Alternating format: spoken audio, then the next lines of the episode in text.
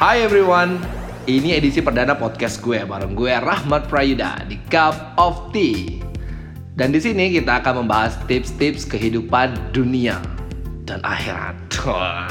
By the way, ini karena ini edisi pertama jadi saya akan mengundang teman gue yang menjadi mentor gue untuk membuat podcast gue yang pertama. Kita sambut bersama-sama dengan genderang yang sangat besar dan meriah. Miss Ari.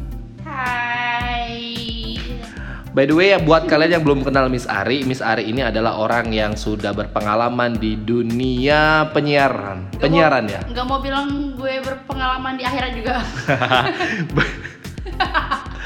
Jadi Miss Ari ini sudah menjadi penyiar di salah satu kota di Indonesia. Kota apa ya? Di salah satu radio di kota Palembang. Iya. Itu lebih. Nah di sini Miss Ari akan berbagi tips bagaimana menjadi penyiar atau announcer yang layak gitu. yang layak belum yang bagus banget tuh belum, tapi setidaknya layak. Oke, karena mungkin kalian udah nungguin apa tips tips apa aja yang kita butuhkan untuk menjadi announcer. Kita langsung aja ke tips-tips yang pertama.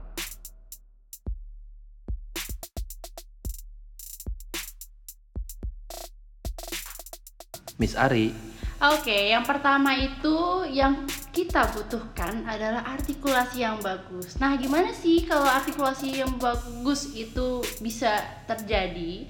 Jadi seseorang itu kita harus eh, apa? Udah mulai berlatih dan cara latihannya itu adalah coba kalian praktekkan mengucapkan kalimat A, B, C sampai Z tapi dengan vokal A, I, U, E, O.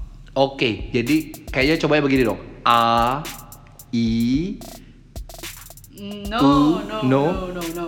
Tapi Why? kayak ah, kan kalau biasanya itu kita bilangnya A B C D E F G. Ini Hmm. enggak, ini kalau ketika huruf mau yang mau huruf vokalnya A, jadi A baca da Oh. A A udah sampai Z. Setelahnya lanjut E B C D E F G lanjut lagi sampai A I U E O itu sudah kamu praktekin semuanya dan itu harus sering-sering banget. wow. Jadi itu aja latihannya bisa sampai 5 menitan dong. Lebih. Ya? Dan jadi semua announcer itu harus belajar itu semua dari basic.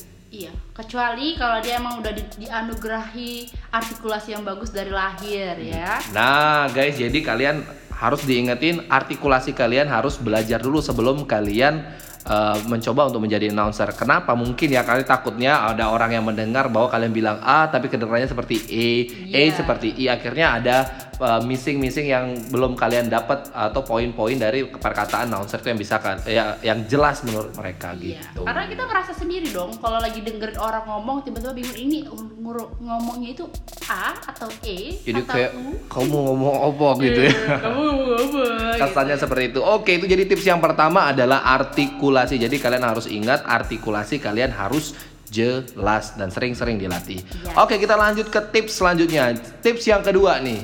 Tips kedua yaitu smile voice. Apa Oh. coba? Maksudnya berarti smile voice berarti senyum suara. Suara atau bersenyum? Suara sambil bersenyum. gimana tuh? Bingung nggak lo? Coba kamu bayangin Bayu. Nah, jadi kayaknya kita langsung. Jadi gimana sih maksudnya smile voice? Kalau aku sih mikirnya smile voice itu adalah ngomong sambil tersenyum. Bener banget. Oh ya? Ya, jadi ketika kita mau latihan ya sebelum sebelum memberanikan diri untuk menyuarakan suara kalian, Wow. setidaknya ya kita berlatih smile voice ini. Kenapa ben- kenapa penting?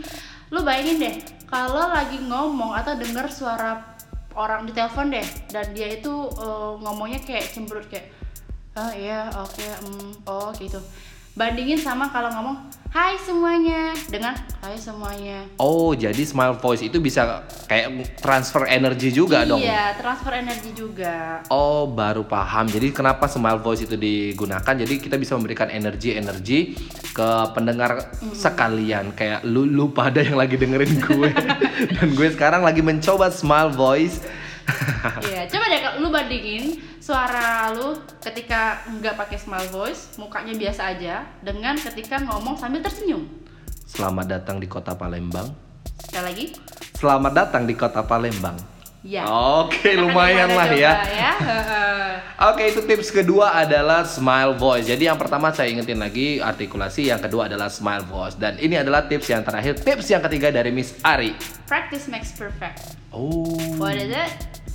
Jadi Jadi eh, ya percuma sih tahu teori tapi jarang praktek ya. Jadi kalau kalau dari aku ya aku nyaranin kalau kamu memang beneran pengen jadi penyiar dan ngerasa suara kamu belum belum artikulasinya atau smile voice-nya, coba deh sering-sering di rumah ngomong di depan kaca sambil tersenyum dan re- rekam dengan handphone kamu. Gak usah jauh-jauh deh, rekam pakai handphone aja.